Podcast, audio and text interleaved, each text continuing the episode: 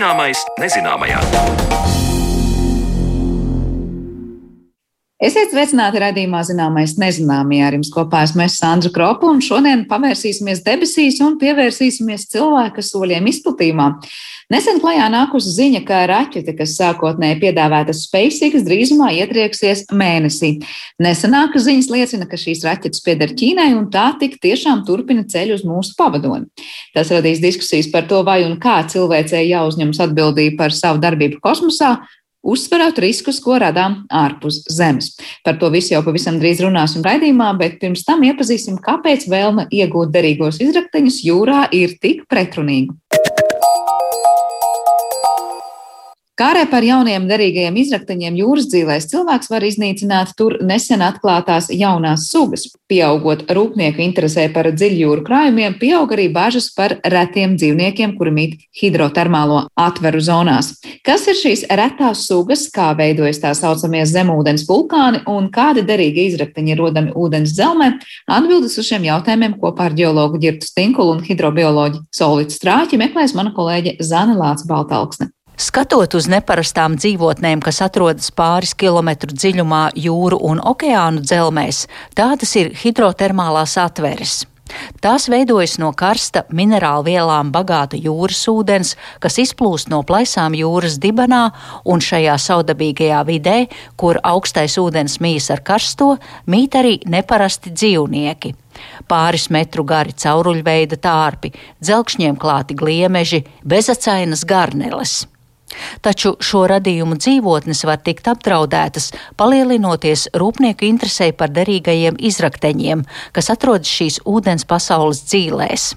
Un šobrīd ANO paspārnē esoša starptautiska iestāde, kas ir atbildīga par jūras gultnes izpēti, ir piešķīrusi jau vairāk kā 30 izpētes atļaujas, lai pirms iespējamiem derīgo izrakteņu ieguves darbiem pārbaudītu jūru un okeānu gultnes. Tā rakstīts starptautiskā analītiskās žurnālistikas interneta vietnē The Conversation. Vēl ir pāragri runāt par to, cik lielā mērā šādiem darbiem uzsākoties tiks izpostīta ūdens dzelme, taču ir skaidrs, ka sekas var negatīvi ietekmēt plašu, līdz šim pārāk labi neizpētītu ekosistēmu.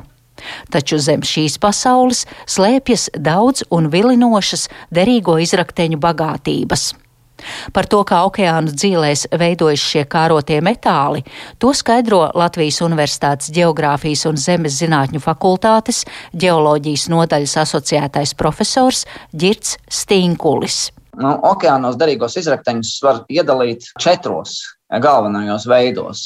Viens no šiem veidiem saistās ar karsto šķīdumu izplūdes vietām, okeāna vidusgrēdās. Šīs karsto šķīdumu izplūdes vietas sauc par melnajiem vai baltajiem pīpētājiem. Tie ir tādi eh, zemūdens skursteņi, kur eh, vulkānisma norises vietās izdalās sulfīdu, sulfātu un citu vielu šķīdumi, kas okeāna ūdenī ienes arī dažādus metālus.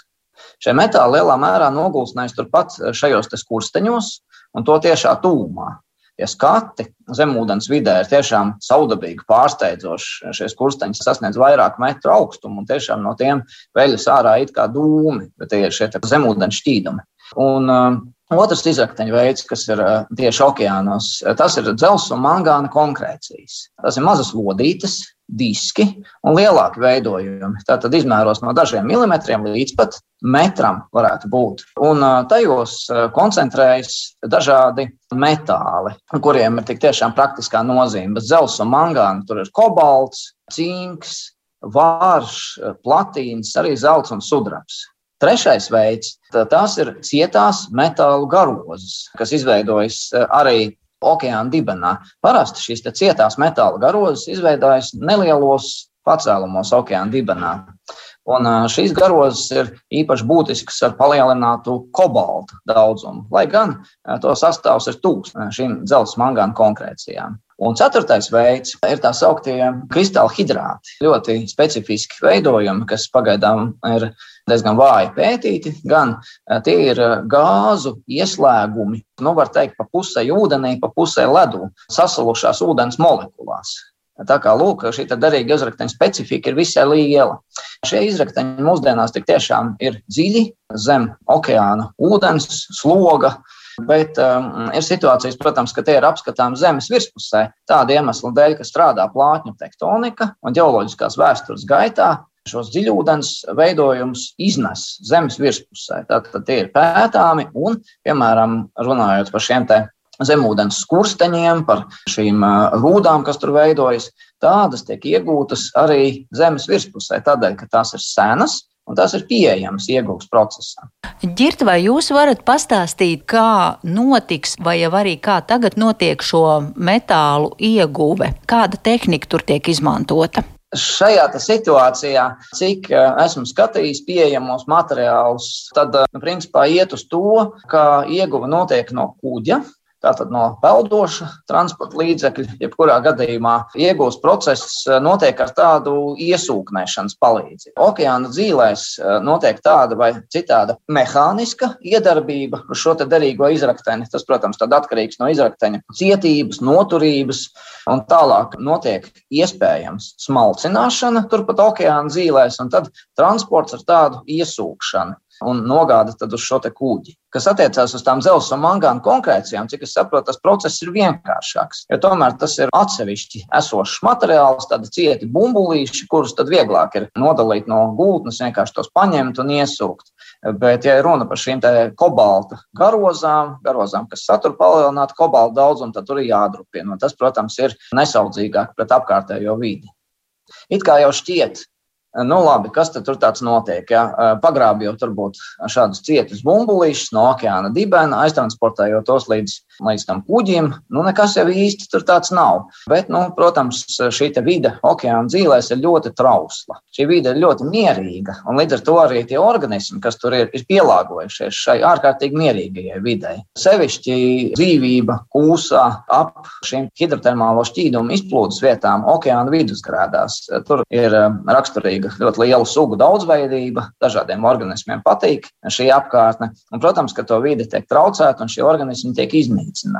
Ar ģirtu stinkulu sarunu vēl turpināsim, bet tagad iepazīsim tās sugas, kas mitinās minēto karsto ūdens atver tūmā, un kāds ir šo radījumu dzīvesveids.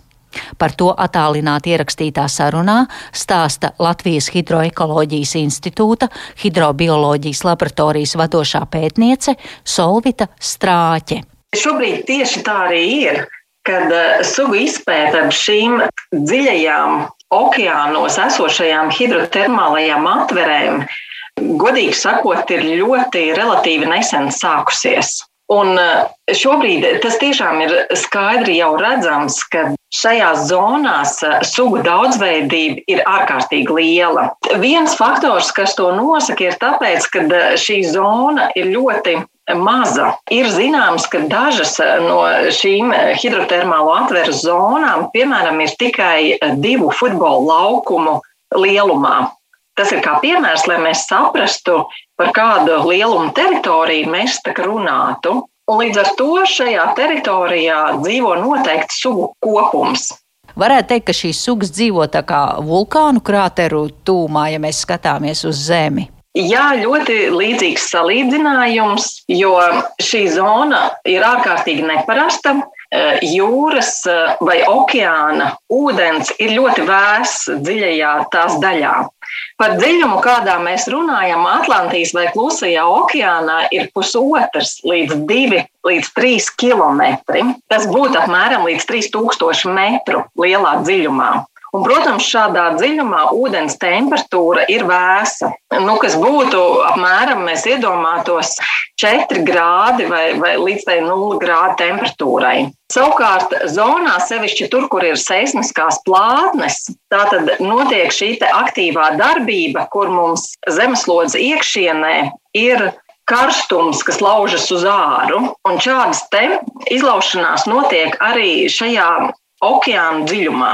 Līdz ar to izlaužoties uz āru ļoti karstam ūdenim, kas ir, varētu būt ap 400 grādu temperatūra, šīs eh, bagātā ar minerāliem bagātais saturs tiek izsviests augstajā ūdenī, un šie minerāli vēsajā ūdenī sacietē un tāpēc veido tādu ļoti īpatnēju dzīves vidi organismiem. Šādā dziļumā saules gaisma pilnībā neiespiežās. Tātad šīs dziļās zonas bieži vien ir īpatnējas ar ļoti mazu skābekļa daudzumu, un arī tādu skābu vidi. Organismi, kas šeit dzīvo, tie ir īpaši pielāgojušies ļoti, es teiktu, maz prasīgi varbūt šādiem uh, apstākļiem, šādā ļoti skarbā vidē. Nu, kā piemēram, ārkārtīgi viens interesants organisms ir puķa gliemezis, kas ir atklāts tikai ap 2017. gadu. Šis puķu gliemezis patiesībā ir ļoti neliels eh, tāds organisms, kas ir tikai dažus milimetrus liels, eh, bet viņam ir ārkārtīgi skaistas gliemeža čauliņā, tāds pilns ar tādām adatiņām. Un arī daudzi citi organismi, kas varētu būt līdz pat eh, divi metri gari tārpi, dažādas garneles bez acīm, kas ir pielāgojušies šādai dzīves videi, ļoti konkrētā, nelielā rajonā. Jo viņiem ir vajadzīga šī zona, kur ir šis karstais ūdens un vēsā ūdens mala. Un parasti šādās zonās, kur satiekas divas ļoti pretējas lietas, ir visvairāk sugu bagātība. Bet es vēl gribu mazliet arī pieminēt par to, kādā veidā būtu iespējams šīs sugas mazliet pasargāt, tad eh, viens variants, ir, kā to darīt, ir tātad eh, ierakstīt šai apdraudēto sugu sarkanajā sarakstā. Un līdz ar to, ja ir zināms, ka šāda veida sugu kopums dzīvo tikai ļoti nelielos, stipri ierobežotos reģionos, tad um, to iekļaušana uh, sarkanajā sarakstā tomēr pasargā no tālākas to iznīcības, jo uh, sarkanajā sarakstā esošām sugām ir jāpievērš īpaša uzmanība, un tad tomēr vairs nav tik viegli veikt um, dažādas darbības bez iepriekšējas izpētes un, un dziļākas analīzes. Kā bilst Solvita strāķe, tad, ņemot vērā šo dzīvnieku specifisko dzīvesveidu, arī laboratorijās nenotiek intensīvi izpētes darbi, lai nenodarītu pāri minētajiem dzelmes radījumiem. Bet runa nav tikai par dzīvnieku un apkārtējās vidas negatīvo ietekmēšanu cilvēka darbības rezultātā, bet arī okeāna ūdeņi varētu tikt sajaukti. Par to turpina Girts Stīnkulis. Vēl viens moments ir tas, ka pagaidām neviens nezina. Nav jau bijuši šādi lieli izmēģinājumi, kas notiek ar pašiem okeāna ūdeņiem, ar to teiksim, tā, ķīmiskā sastāvā īpatnībām, blīvuma, termālā režīma, oksidācijas, reducēšanās pakāpes izmaiņām. Jo arī šajā ziņā tā vide ir ļoti trausla. Ne tikai dzīvie organismi, bet šī te, nu, tāda fizikāla, ķīmiskā vide jo um, okeāna dibenā varbūt pieņemsim samazināts skābekļa daudzums. Noteikts blīvums ir šim ūdenim, bet ja cilvēks sāks tur jaukt, varbūt rodas kaut kādas plūsmas, kaut kāda vielu sajaukšanās, kas slikti ietekmēs vispār okeānu kā tādu. Nu, varbūt arī ūdens plūsmas okeānā. Tā kā tur ir arī ļoti daudz nezināmā, bet katrā ziņā nekas īpaši labs tas nav derīgo izrakteņu ieguves jomā. Vienmēr tas ir kompromiss starp labumu saimniecībai un cilvēkam, pretstatā ietekmei uz apkārtējo vidi. Neviena derīgo izrakteņu ieguve nav draudzīga apkārtējai videi. Vai nu tiek izrakņāta zeme, vai vairāk vai mazāk radīta kaut kāda ietekme uz ūdeni, gaisu. Tā teica Girts Stinkulis un šajā gadījumā, kad runa ir par tiešām vilinošiem derīgajiem izrakteņiem un ūdens dzīļu vidi, cilvēka atstātais nospiedums jau tagad pirms darbu uzsākšanas ir prognozējams liels un iznīcinošs. Otra puse, protams, tur ir tas ekonomiskais labums. Un šie okeāna dzīvēs esošie derīgie izrakteņi ir patiesi vērtīgi. Sevišķi šīs kobaltu saturošās garozas, Kobalts, piemēram, ir Eiropas Savienības kritiskā izēviela, kuras nav praktiski Eiropas Savienībā. Tā ir jāimportē bieži vien no valstīm, no zemēm, kur ir tāda nestabila kopumā situācija, eh, tāpat arī šis augstais mangāna saturs, platīns, vārš, citi vērtīgie metāli. Tie ir ļoti lielās koncentrācijās. Un no tīri tāda ekonomiskā viedokļa tas ir izdevīgi. Iespējams, ka tehnoloģijas arī ies uz priekšu, izdomās kādu labāku metodiku, kā iegūt šos dziļi okeāna ūdenī iegulošos izrakteņus. Bet nu, šobrīd Cik es saprotu, reāla ieguve nekur nenotiek. Ir bijuši pilots projekti, izmēģinājumi, bet tieši šie ekoloģiskie apsvērumi pagaidām bremzē šo derīgo izrakteņu ieguvi. Tik tālu par derīgo izrakteņu ieguvi jūras dzelzmē, bet raidījuma turpinājumā pievēršamies tam, kādas pēdas esam atstājuši uz Zemes pavadoņa mēnesi virsmas.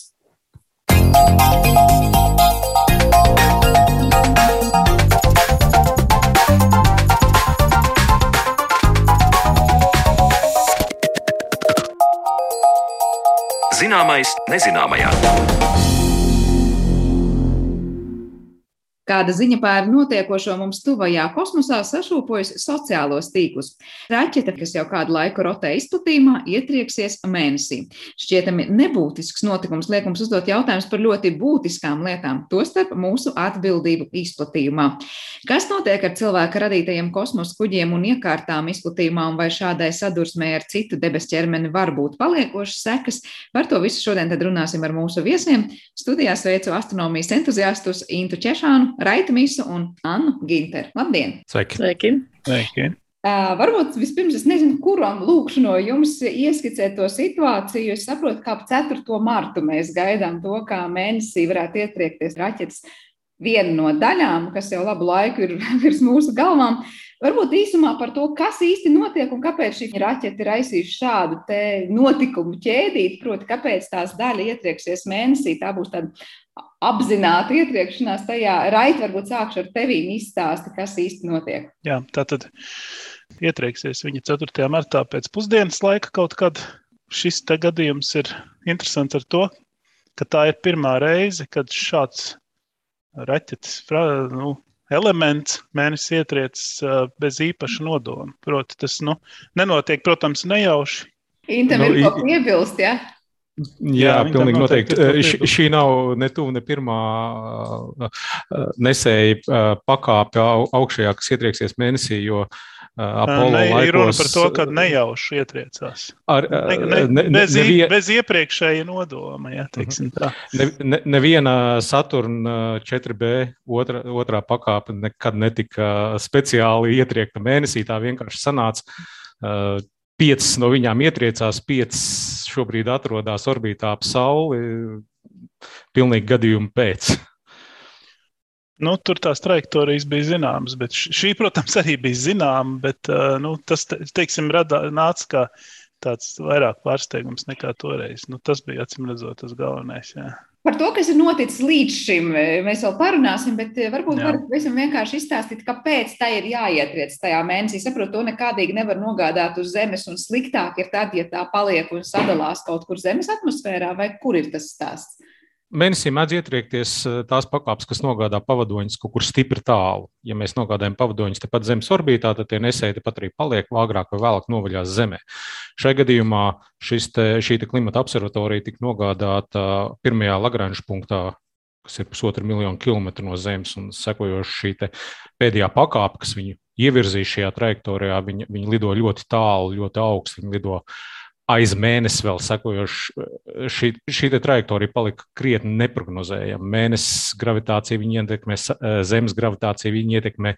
Piecus gadus viņi mētājās tā mazliet, maz, mazliet nes, nezinām, kur, kur tad viņi beigās būs, ja, bet viņi tiek novēroti. Tagad mēs zinām, ka nu, notikums būs. Mēne, ar mēnesi viņi tomēr satiksies un, un tur arī novelsies. Anna droši vien arī vēlas izteikties. Kāds ir Anna tavs redzējums par to, nu, kādu notikumu gaidās? Mēs dzīvojam tagad, domājot par to nu, 4. mārta datumu, kuram vismaz ir uzlikts prognozes, ka šim ietriekšanās momentam vajadzētu notikt. Nu, kā jau viņš teica, tas nav pirmais objekts, kas ietrieksies mēnesī. Kā cilvēka radīts objekts ir gan apzināti speciāli ietriekti objekti mēnesī, misijas, kas ir beigušas savus dzīves uh, gaitu, un, un ir objekti, kur vienkārši trajektorija ir tāda, ka viņi nevar nesadurties ar mēnesi.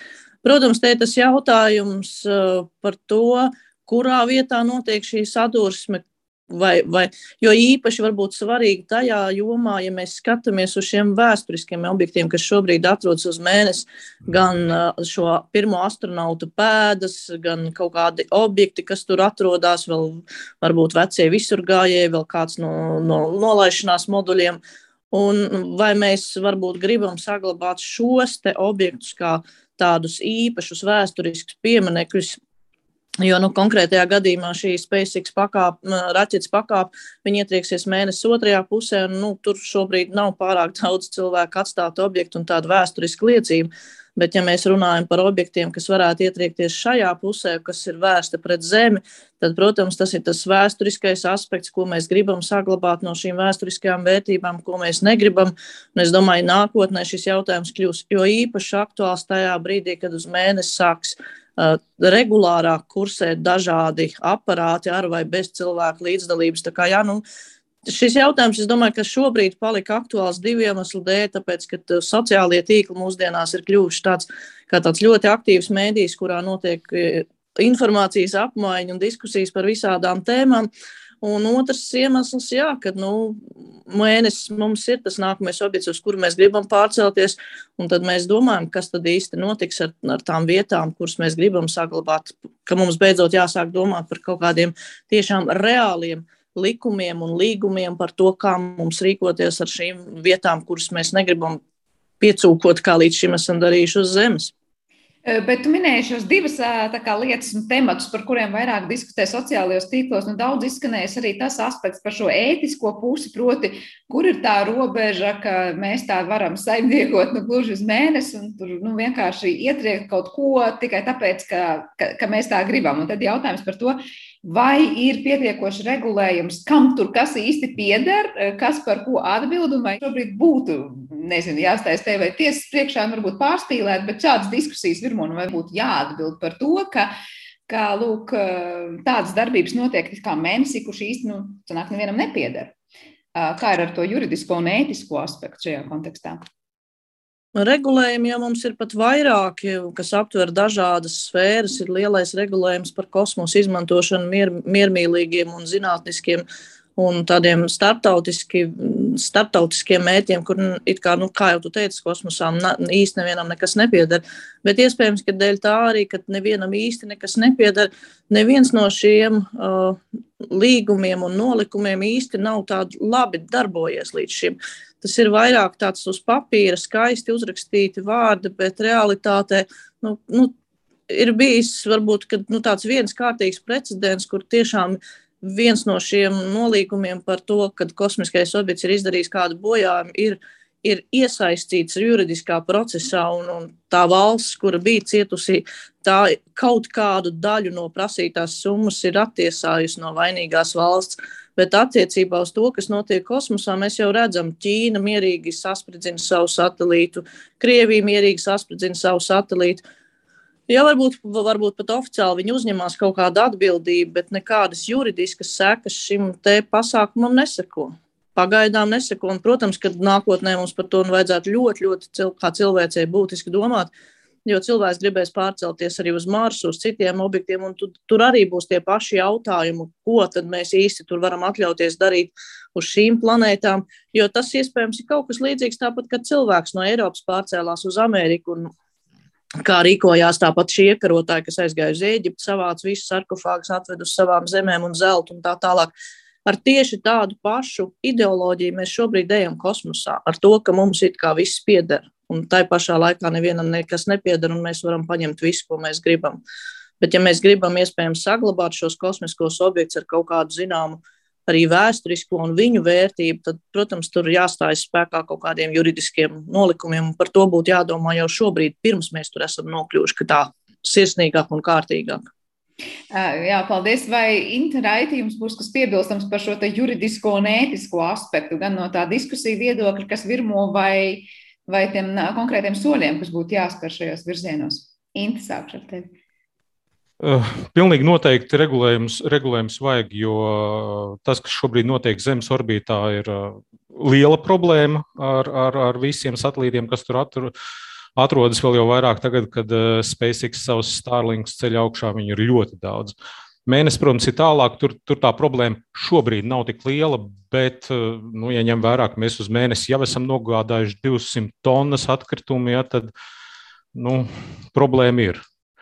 Un, uh, un īsnībā mēs esam, mēs esam diezgan, diezgan bijuši tādi nu, vieglprātīgi attiecībā pret mēnesi. Jo, jo, jo tā problēma ir, ir mazliet eh, tāda nesmukāka nekā tas izskan publiskajā telpā, piemēram, Apollo laikos. Tika izmests uz mēnesi virsmas viss. Mēs, mēs ļoti smuki runājam par to, cik romantiski tur saglabāt šīs izsēšanās vietas, bet, ja mēs palūkosimies tuvāk, tur nav tikai mēnesis nolaižamais aparāts un tur daži eksperimenti atstāti. Tur ir, piedodiet, miskaste. Ja, tur ir simtiem dažādu objektu izsviest laukā pa lūku, kas bija nevajadzīga starta brīdī. Tur ir tāds nu, atkrituma kalns īstenībā katrā no šīm nolaišanās vietām. Un es domāju, tas kaut kas tāds, kas nākamajās mēnesis misijās vairs nebūs, nebūs pieļaujams, jo nu, neviens nevēlēsies to redzēt. Mums jau parādīja tikai smukās bildes no, no, no, no senajām Apollo misijām, neparādīja to, nu, kā, kā tur pie reizes arī piecūko. Tas, ar ko piecūko precizējot, tātad tas ir kaut kādas detaļas, tas ir kaut kāda tehniska atkrituma. Kas tas ir, kas tur ir izmests? pilnīgi viss, kas nav vajadzīgs starta brīdī, jo uh, mērķis ir dabūt pēc iespējas vieglāk šo te, uh, kosmisko aparātu, kurš startēt no mēneša, jo viņš ir vieglāks, jo mums ir lielākas rezerves. Gadījumā, ja mums ir kaut kādas kļūdas lidojumā, tāpēc mums ir pēc iespējas atbrīvot. Sekojoši, pilnīgi viss, kas nav vajadzīgs, tika izmests laukā. Mums re, ir vāciņš no karoga, laukā, re, kur mums ir kamera, kur mēs vairs neizmantosim, laukā, re, kur mums ir objektīvu komplekts laukā, re, kur mums te piečurāt urīna maisiņu laukā. Nevajadzīgs nolaišanās manuāls laukā. Nu, pilnīgi nu, viss tur ir. Jā, jā un nu, stādieties priekšā skatu. Jā. Kosmosa kuģis uz mēnesi atvērta lūka, un pirms starta tur lido laukā ši, šie priekšmeti. Jā. Ir, var atrast saraksts internetā, kur viņi pārskaitīti. Jā, nu, tādam Apollo 11 tur ir pārpa simts šādu priekšmetu pārskaitīti, un pēc tam pierakstīts citi. Ja, nu, miniet, nu, kas tie tādi ir. Protams, ar šiem priekšmetiem, kas ir atstāti, mēs, mēs uzskaitām arī to, ka tur ir karoks, ka tur ir eksperimenti, ka tur ir šī piemiņas plāksne un tam līdzīgi. Bet, bet nu, tas, tas, tas, tas, kas ir izmests uz mēnesi, tas ir pārsteidzoši daudz. Protams, lielo masu sastāda lielu objektu. Šīs otrās pakāpes, nolaižamie aparāti, paceļamie aparāti, ko viņi startēja apakaļ uz Apollo kuģiem orbītā pārgāja viņa polo kuģī, viņi nomet šos aparātus. Viņi arī visi nokrita kaut kur uz mēnesi. Daži zināmās vietās, daži nezināmās vietās, piemēram, aparāts, ar kuru lidoja uh, Nils Armstrongs un Bas Aldrins. Mēs nezinām, kur viņš ir. Mēs zinām, ka viņš ir uz mēnesi. Kā kādam nākotnes arheologam tur ir. Ir ko darīt. Ir ko darīt, būs iespēja viņu atklāt. Ja? Bet jā. uh, mēs esam tiešām bijuši nevīžīgi pret mēnesi līdz šim. Tas nu ir fakts. Raiti, jā, un jā, jā, droši vien. Jā, es gribēju piebilst vienu lietu. Uh, interesanti, ka uh, nu, par mēnesi mēs tiešām runājam par mēnesi kā astronomisku objektu, kas nevienam nepieder. Un ka tās, nu, ja mēs varam tur triekt visu kā pagadās, tad no šo īpašumu viedokļa varētu teikt, ka uz mēnesi ir vismaz viens īpašums, kas pieder privātpersonai uz Zemes. Un tajā brīdī, iespējams, ja SpaceX raķeti, piemēram, ieturītos šajā Lunahodā viens, kas, kur ir nopircis kāds ASV biznesmenis, ja nemaldos, tad gan droši vien, ka varētu sekot reāli tiesvedība, jo tas būtu kāds privātpersonas īpašuma bojājums. Bet kamēr mēs bojājam mēnesi, tikmēr jā, mēs nejūtamies īsti atbildīgi par to. Um, nu, es šeit vēl piebi, piebildīšu sekojoši. Uh, tie objekti, kurus mēs esam ietriekuši mēnesī, uh, viņu ir apmēram simts uh, tādu vērā ņemam lielu. Uh, tas, protams, ir nekas salīdzinājumā ar, ar, ar meteorītiem, kurus mēs novērojam bezmaz reizi stundā, ja kas ietriecās. Un, nu, no šāda viedokļa varbūtība, ka šis īpašums tiks sabojāts ar meteorītu, ir, ir, ir, ir krietni vien lielāks. Protams. Jā, bet tur nebūs iespējams tiesāties ar meteorītu. Bet savukārt ar spēju. Nu, tur varbūt kāds apdrošinātājs tiks. Ah, tur atkal, protams, tālāk, tālāk domā. Raita, es tev nedevu vārdu par to juridisko aspektu, vai tev vēl būs kas piebilstams, te gan daudz jau izskanēja.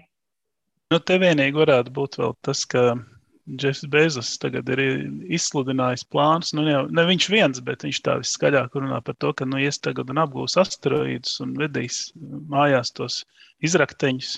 Un uz tiem pēc tā šī brīža regulējuma viņam ir tiesības. Tad tas ir, es domāju, vēl viens moments, kad vajag pastīties jau tagad ne tikai uz mēnesi, nu, un arī uz Marsu, bet arī uz citiem resursiem un arī par to padomāt, kas notiks ar juridiski, notiks ar, ar, ar šo aspektu. Jo, uh, Jo tā, tā šī brīža šķietami vērtīgākā vieta ir tieši asteroīdi, kur var iegūt dažādus izējuma materiālus, un tas ir izdarāms daudz vieglāk, kā to var izdarīt uz Mēnesi vai uz Marsa. Jo tur, nu, protams, ir jāatrisina virkni tehnisku lietu, bet uh, nu, no asteroīda, piemēram, var vienkārši aizlidot prom. Ja, no mēnesis un Marsa tomēr ir jāpaceļas ar salīdzinoši jautīgu raķeti. Ja. Līdz ar to tas ir vēl viens aspekts, ko es gribēju minēt. Bet tā, jā, protams, tur, e... tur ir ļoti jādomā. Tas skaidrs ir viens, ka šis eh, notikums, var teikt, nu, cerams, ir uzvirminājis šīs diskusijas par to, kā tiek regulētas lietas eh, kosmosā un mums pavisam tuvā kosmosā. Es vēl gribēju jautāt par to, nu, jūs te minējāt par to, ka tur meteorīti daudz ietriecās un krāteru tur netrūks uz mēnesi, eh, par to, ka tur jau ir daudz šīs te tehniskās detaļas palikušas vai arī objekti. Kas notiks ar šo te konkrēto Falkonu raķetes daļu? Tā vienkārši kā ietrieksies, tā paliks, radīs tur, es nezinu, lielu mazu krāteri nozari. Kādi ir tie scenāriji, kāda tā mēneša ainava būs un kas ar laiku notiks ar šo objektu? Šai vietā radīsies neliels maziņš krāterīts un, un paliks šis objekts tur nu, uz miljoniem gadu. Es, eh, kaut kādā laikā viņš mums pamazām eh, pārklāsies ar mēnesi putekļiem, bet mēs runājam tādos geoloģiskos laikmetos. Eh, putekļi veidojās meteorītiem, triecoties virsmām, sašķīstot, veidojas jauni putekļi, viņi nosēžās, mēs pamazām Mēs pamazām šie te, nu, mēnesis virsma arī atjaunojās, bet nu, mēs runājam par, par, par, par desmitiem tūkstošiem, varbūt miljonus gadiem. Nu, tā viņš tur būs. Protams, varbūt mēs pēc pārdesmit gadiem uh, būsim uz mēnesi un, un izdomāsim, ka mums viņš tur nepatīk, aizvāksim viņu vai pārstrādāsim vai vēl kaut ko kas, zina, metāls uz mēnesi var būt vērtīga lieta. Ja. Tā varbūt kādien būs ļoti labs resurs, par kur cīnīsies tie, kas ir uz mēnesi. Raits, gribējāt ko piebilst par tiem krāteriem? Viens Jā. komentārs īstenībā, ka atšķirībā no Zemes uz, uz mēnesi nav atmosfēras, no nu, vai praktiski nav. Sekojoši visi šie objekti pat ļoti mazi. Viņi nonāk līdz virsmai un tā ir krāteri, viņi nesadeg. Un, un, un, un šāds nesējs, kurš ieejot Zemes atmosfērā, visticamākais sadegtu pavisam, vai nonāk līdz zemē kaut kāds nieks, ja tur viņš tāds kāds ir, tāds arī ietriecis tie mēnesi virsmā. Jā. Nesabremzējas, tas arī jāņem vērā, jo īpaši, ja mēs tā. domājam par dzīvošanu nākotnē uz mēnesi, ka visi objekti, kas lido kosmosā un kur mēs esam pieraduši uz Zemes skatīties debesīs un priecāties par krītošajām zvaigznēm, tad principā uz mēnesi tādā ātrumā, kādu viņi lido visumā, tādā viņi arī ietriecas un atstāja savu ietekmi. Līdz ar to tas ir tāds ne tikai tāpēc, ka mums žēl, varbūt, ka sabojāsies uh, šie metālūžiņi, kas tur jau ir, un varbūt kāds asteroīds viņiem uzskatīs virsū, bet nākotnē šādi būs apdraudēti arī cilvēki, kas tur atradīsies. Tie, kas zemes, zemes pusē, varbūt nedaudz mazāk nekā tie, kas otrā pusē, bet katrā ziņā jā, tas ir tāds aspekts, par ko arī padomāt. Uh, viens jautājums, kas parasti arī uzvirmo, kāpēc šī konkrētā falkona raķetes daļa nevarētu tikt, es nezinu, tu tur sadegusi atmosfēras augšējos slāņos virs zemes, proti, ka tas būtu vidē daudz nedraudzīgāk, un tad, es nezinu, mēs būtu daudz vairāk palaiduši izplatījumā kādus nevēlamus elementus vai metālus. Kā ir, vai tā ir tiesa, ka patiesībā ietriekt šo te objektu mēnesī ir daudz vidēji pat draudzīgāk nekā ļautam degt zemes atmosfērā? Anna, varbūt sākšu teikt. Nu, tas ir tāds maldīgs pieņēmums. Es domāju, ka mēs stundas laikā uz Zemes ar visu rūpniecību, ar visu, ko mēs kustinām uz Zemes, radām daudz vairāk kaitīgu piesārņojumu nekā viena tāda maza falkona uh, pakāpīte, kas tur sadeg atmosfērā un burtiski pazūd. Nu, ja mēs gribam pavisam būt zaļi un domājoši, tad mums nevajadzētu vispār lidot kosmosā. Sēžam uz Zemes, atgriežamies salās atpakaļ. Mm, paleo laikmeta diēta un tam līdzīgi, tad mēs būsim patiešām varbūt zaļi. Bet uh, es domāju, ka mums, ja mēs runājam par piesārņojumu, tad mums uz Zemes ir daudz, daudz būtiskākas problēmas, kas ir jārisina. Nevis šī tiešām niecīgā ietekme, ko atstāja satelīti, sadegot Zemes atmosfērā. Nu, tas vispār tā ir tāda uzmanības novēršana no reālām problēmām, par kurām mums būtu jādomā. Bet kāpēc līdz ar to eh, šis scenārijs netika vispār nezinu, apspriests, vai kāpēc mēs nesagaidām, ka šī konkrētā raķetes daļa nu, sadegs Zemes atmosfērā līdzīgi varbūt kā citi objekti? Kāpēc mums? Nu, tāpēc, tāpēc ka trajektorija tāda bija. Nu, mēs, mēs šo pakāpi vairs neviens nekontrolē, viņi vienkārši lido. Un kur viņi lido, tur viņi lido, līdz ar to viņi, viņas mērķis šobrīd ir mēnesis. Mēs nevaram ietekmēt to trajektoriju. Tajā brīdī, kad cilvēki var ietekmēt kosmiskos aparātus un izlemt par to, kur viņi pēc tam atradīsies savas dzīves noslēgumā, protams, liela daļa izvēlās tos, kas atrodas Zemē tuvāk, sadedzināt Zemes atmosfērā, jo tas ir viens no efektīvākajiem veidiem, kā atbrīvoties no kosmiskajiem atkritumiem. Bet mums ir miljoniem kosmisko atkritumu, kurus mēs nekontrolējam, kur tur augšā vienkārši lidinās un gaida savu likteni, vai nu viņi sadursies ar Zemi vai kādu citu objektu, vai atradīsies kosmosā tūkstošiem un varbūt pat vēl ilgāku laiku, ilgāku laiku sprīdi. Tā, kā, tā, nu, tā, tā ir atķits pakāpē, nav nekāda iespēja viņu kontrolēt. Viņi vienkārši tur lidinās un nu, sanāca tā, ka viņi saskarējās ar mēnesi. Saskriesies. Jā. Nav tā, ka tur ir dilemma, ko darīt. Tur patiesībā nav izvēles iespēja šajā scenārijā. Vai Raitim un Intam būs kas piebilstams pie šī aspekta par, jā, Int lūdzu? Jā. Raiti, man, man, man replika ir tikai tāda, ka šis bija tas gadījums, ka tā enerģija tai pakāpei bija tik liela, jo tā, viņš tas derīgā krauja bija jānogādā zemes mēnesi, saules zemes Lagranžas punktā numur viens. Ja mēs vēlētos izdarīt ko tu minēji, viņu atgriezt Zemes atmosfērā, tas radītu lielāku piesārņojumu, jo tā raķete būtu nepieciešama jaudīgāka starta brīdī, lai vestu līdz to degvielu, kas būtu nepieciešama šīs pakāpes atgriešanai. Līdz ar to nu, tīri no tāda ekoloģijas viedokļa būtu tikai mīnus. Jā. Nu, tas bija tāds mans komentārs, un droši vien Inco to papildinās ar kādu. Raitim pilnīgi taisnība. No vienas puses tas, tas īstenībā ir naudas jautājums, jā, jo šobrīd mēs varētu aprīkot daudzus pavadoņus ar, ar dzinējiem un, un apgādāt ar degvielu. Un, un nesējiem parūpēties, lai uzreiz pēc starta viņi kontrolēti ieiet atmosfērā, bet raitim arī taisnība tādā ziņā, ka tas prasa papildus resursus arī pacelt viņu augšā ja, un gal galā saražot to visu. Tas ir liels jautājums. Savukārt, tā, kad tu esi kosmosā, nu es, es spēju iedomāties vienu vietu, kur to visu likvidēt, un tā, tā būtu Saule. Ja? Bet nu, līdz turienei tikt arī nav vienkārši. Ja, tur arī vajag būt vēl dārgāk. vēl degvielas krājums, lai tur tieši tā, ja tā kā, nu, jā, nav vienkārši. Vēl viens aspekts, ko es noteikti gribētu šajā sarunā skart, kas arī ir izskanējis dažādās publikācijās, proti, vai šādā veidā ietriecot kādus objektus mēnesī, mēs tur varam aizgādāt kaut kādus tur līdz tam nēsošus mikroorganismus un, un dažādu šo bioloģisko piesārņojumu. Nu, vienlaikus izskan tas, ka tā raķetes daļa jau sen ir bijusi kosmosā un tur nekas tāds nu, nevarētu būt, ko aizvest mēnesim, bet tomēr šāds jautājums ir aktualizējies. Kā jūs uz to raugāties, uz šo dažādu bioloģisku ķīmisko piesārņojumu aizvešanu tur, kur tam nebūtu jābūt. Un, proti, jo mums visu laiku ir uzskats, ka nu, jā, tur maksimāli tīra tā, tā vide, kurā cilvēks nonāk arī kosmosā, neiejaucoties tajā. Anna, sākšu varbūt no atkal tā gala. Nu, man liekas, ka mēnesis nav tā draudzīgākā vide, par kuru sapņot jebkādas dzīvības formas, kas atrodas uz Zemes.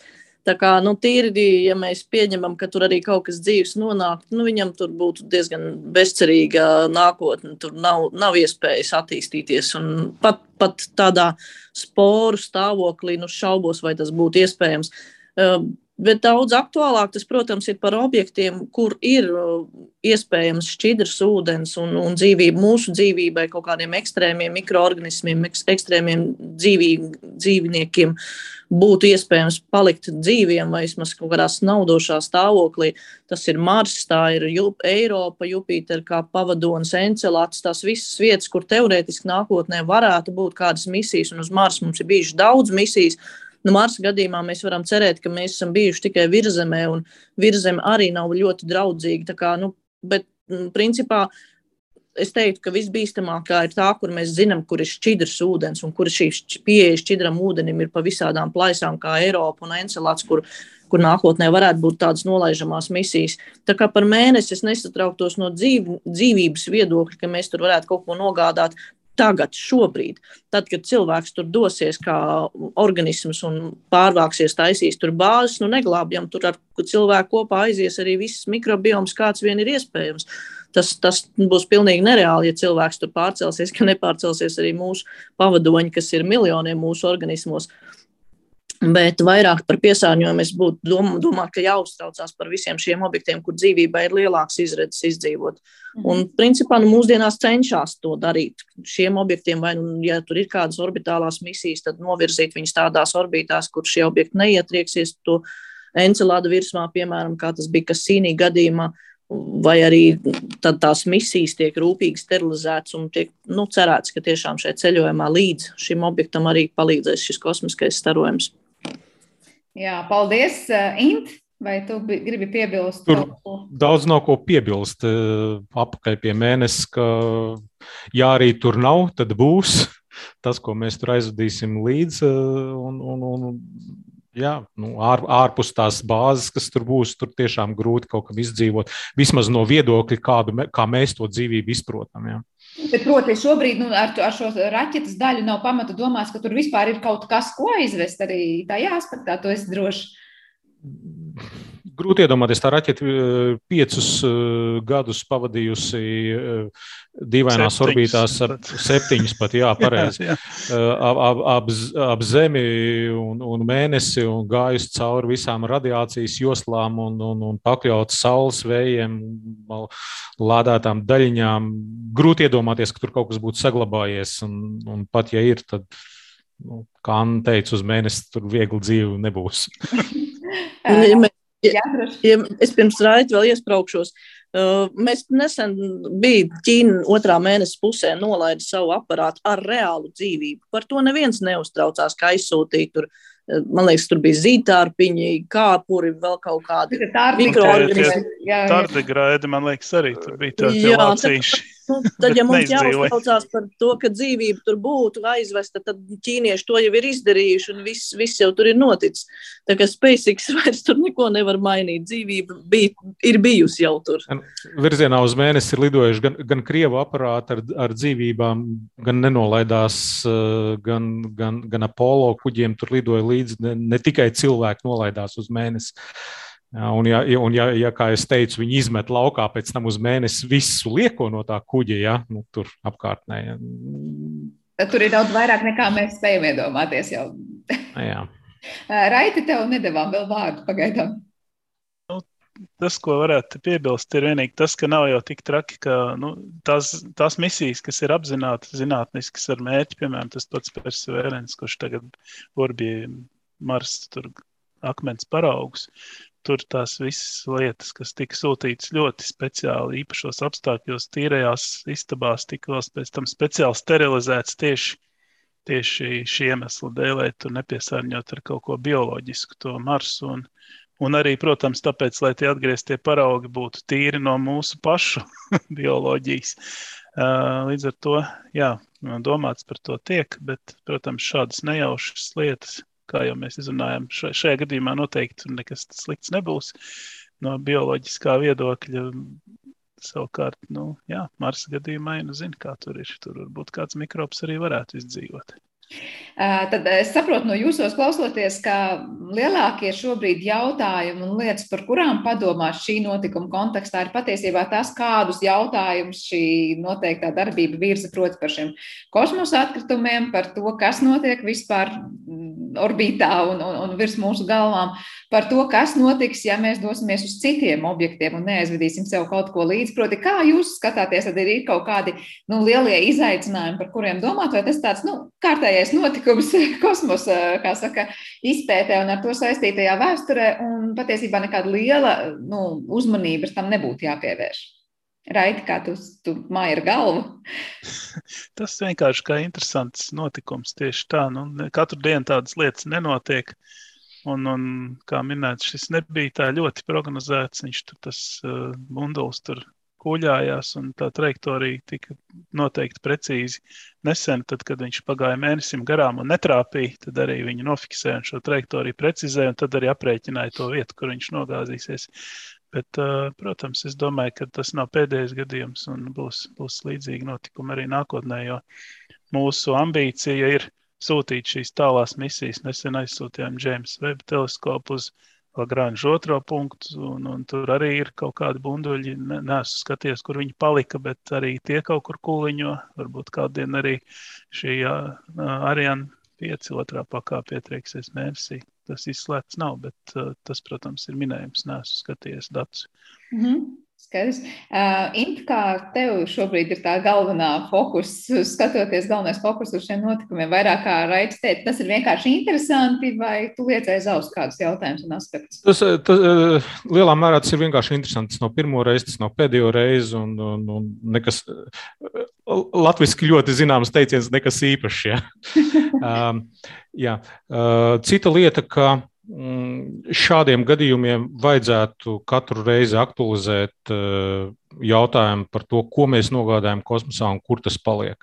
Un vai tas pārvēršas par atkritumu, vai tas tiek nogādāts kādā drošā vietā pēc tam, un šie, šie regulējumi kaut kādi ir, nevisai strādā. Un pie šī jautājuma būtu jā, jā, šim jautājumam būtu jāpievēršas aizvien vairāk un vairāk. Zemes orbītā tā ir riktīga problēma.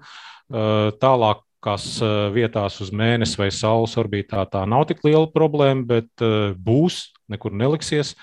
Šie senie nesēji, kas, kas, kas ir nonākuši orbītā ap Sauli, ņemiet vērā, viņi joprojām atrodas tajā pašā orbītā, kur Zeme. Kas zina, varbūt pēc desmit, varbūt pēc simts gadiem Zemes mēnesis sistēma viņu atkal notvers un viņš nogāzīsies uz mēnesi vai uz Zemes. Tas viss ir iespējams. Tāpēc uh, regulējumi par to, ka objekti netiek vienkārši pamesti, bet uh, tiek kādā nebūtu kontrolētā veidā kaut kur nogādāti tas, manuprāt, ir, ir, ir, ir ļoti aktuāli un kļūst aizvien aktuālāk. Mm -hmm. Anna, vēl tavs noslēdzošais vārds. Jā, nu, ko tur piebilst? Jā, Intam ir pilnīgi taisnība tiem regulējumiem un nolikumiem, kas ir šobrīd tādā vairāk vārdiskā, dokumentālā formātā. Viņiem vajadzētu kļūt par tiešām spēkā stā, tādiem, kas ir spēkā un, un darbojās, lai katra valsts tomēr nedara, kā viņai ienāk prātā un, un neveic kaut kādas darbības, kas pēc tam apdraud nākotnē vispār iespēju tālāk kaut kur droši doties. Jo, ja mēs tā prognozējam, ka nākotnē šie atkritumi kļūs tikai vairāk un arī sadursmes kļūs vairāk arī ar mēnesi, tad, protams, paliek tas jautājums, nu, kā tad būs ar tiem cilvēkiem, kas dzīvos un uz, strādās uz mēnesi. Ja tie ir teorētiski kosmisko staciju, mēs varam pavirzīt šurpu turpu pēc vajadzības mēnesi, mēs nepavirzīsim. Tad būs jādomā ne tikai kā izsargāties no meteora iespējams sadursmēm ar asteroīdiem, met, meteoroīdiem, bet būs jādomā, kas, kā kontrolēt šo te telpu arī saistībā ar cilvēku radītajiem atkritumiem. Un tā kā es domāju, ka uh, kosmiskie likumi un, un juridiskais aspekts, un tā skaitā arī droši vien apdrošināšanas jautājums saistībā ar kosmiskajiem objektiem un to radītajiem bojājumiem gan Zemes orbītā, gan uz Zemes, gan arī ārpus uz citiem objektiem tie kļūs ar vien aktuālāki. Tas ir tāpat neizbēgami, kā šobrīd apdrošinātāji un citas institūcijas ir pievērsušies ar klimatu saistītajām problēmām. Tāpat tās ar vien aktuālāk kļūst šie jautājumi kosmosā, jo to spēlētāji, kas darbojās kosmosā, kļūst vairāk. Tie vairs nav atsevišķu valstu satelīti un kosmiskie objekti, tie ir daudzu privātu organizāciju un īpašumi, kas tur atrodas. Es domāju, ka tas juridiskais aspekts kļūs ar vien aktuālāks. Ar katru šādu notikumu tas, tas tāds piliens uz, uz ja kaut kas tiek uzkarināts uz vāģa līdz brīdim, kad tas vādzis lūzīs. Bet būtu labi to situāciju atrisināt pirms tas vādzis ir lūzis. Jā, katrs šāds gadījums pietuvina, tā teikt, solīt tuvāk tam, lai vēl konkrētākas rīcības notikt šajā jomā. Vienīgais, pirms es uh, saku jums paldies par šo sarunu, gribēju prasīt, vai 4. martā šī ietriekšanās moments būs redzams kādos teleskopos, vai iespējams to varēs redzēt kaut kādā veidā arī cilvēku uz Zemes. Raiti, es zinu, ka tu par to esi dalījies sociālajos tīklos, vai tu vari īsi pateikt, kas mums gaidāms? Nebūs redzams, jo trieciens būs mēnesis neredzamajā pusē un arī tādu novērošanas platforma orbītā, kas to varētu redzēt. Visdrīzāk, ka nebūs. Viņi varēs pēc tam uzņemt attēlus, kur redzēs šo krāteru, bet to pašu notikumu tiešsaistē nu, es domāju, ka mēs neredzēsim. Ja nu kāds kaut ko vēl paspēs izdomāt, kādu lunāru konesensu orbiteru tur notēmēt uz to paredzamo no, no, nokrišanas vietu, un ja orbīta būs tāda, sakritīs ar to brīdi, ka šis kritiens notiks, tad jā, bet es tam neticu. Es domāju, ka tas būs jāskatās bildēs. Jāskatās bildēs pirms un pēc notikuma, tātad kādas pēdas būs atstājis. Paldies jums visiem trim par šo sarunu un to, ka viesāt skaidrību par notikumiem mums tuvajā kosmosā šajā raidījuma pusstundā. Atgādināšu, ka bijām kopā ar astronomijas entuziastiem Annu Ginteri, Intu Ķešānu un Raiti Misu. Paldies arī par šī raidījuma sagatavošanu producentei Paulai Gulbinskai, mūzikas redaktoram Girtam Bišam. Savukārt es, Sandra Kropa, saku visiem jums paldies par klausīšanos, un mēs tiekamies jau atkal rīt. Visu labu!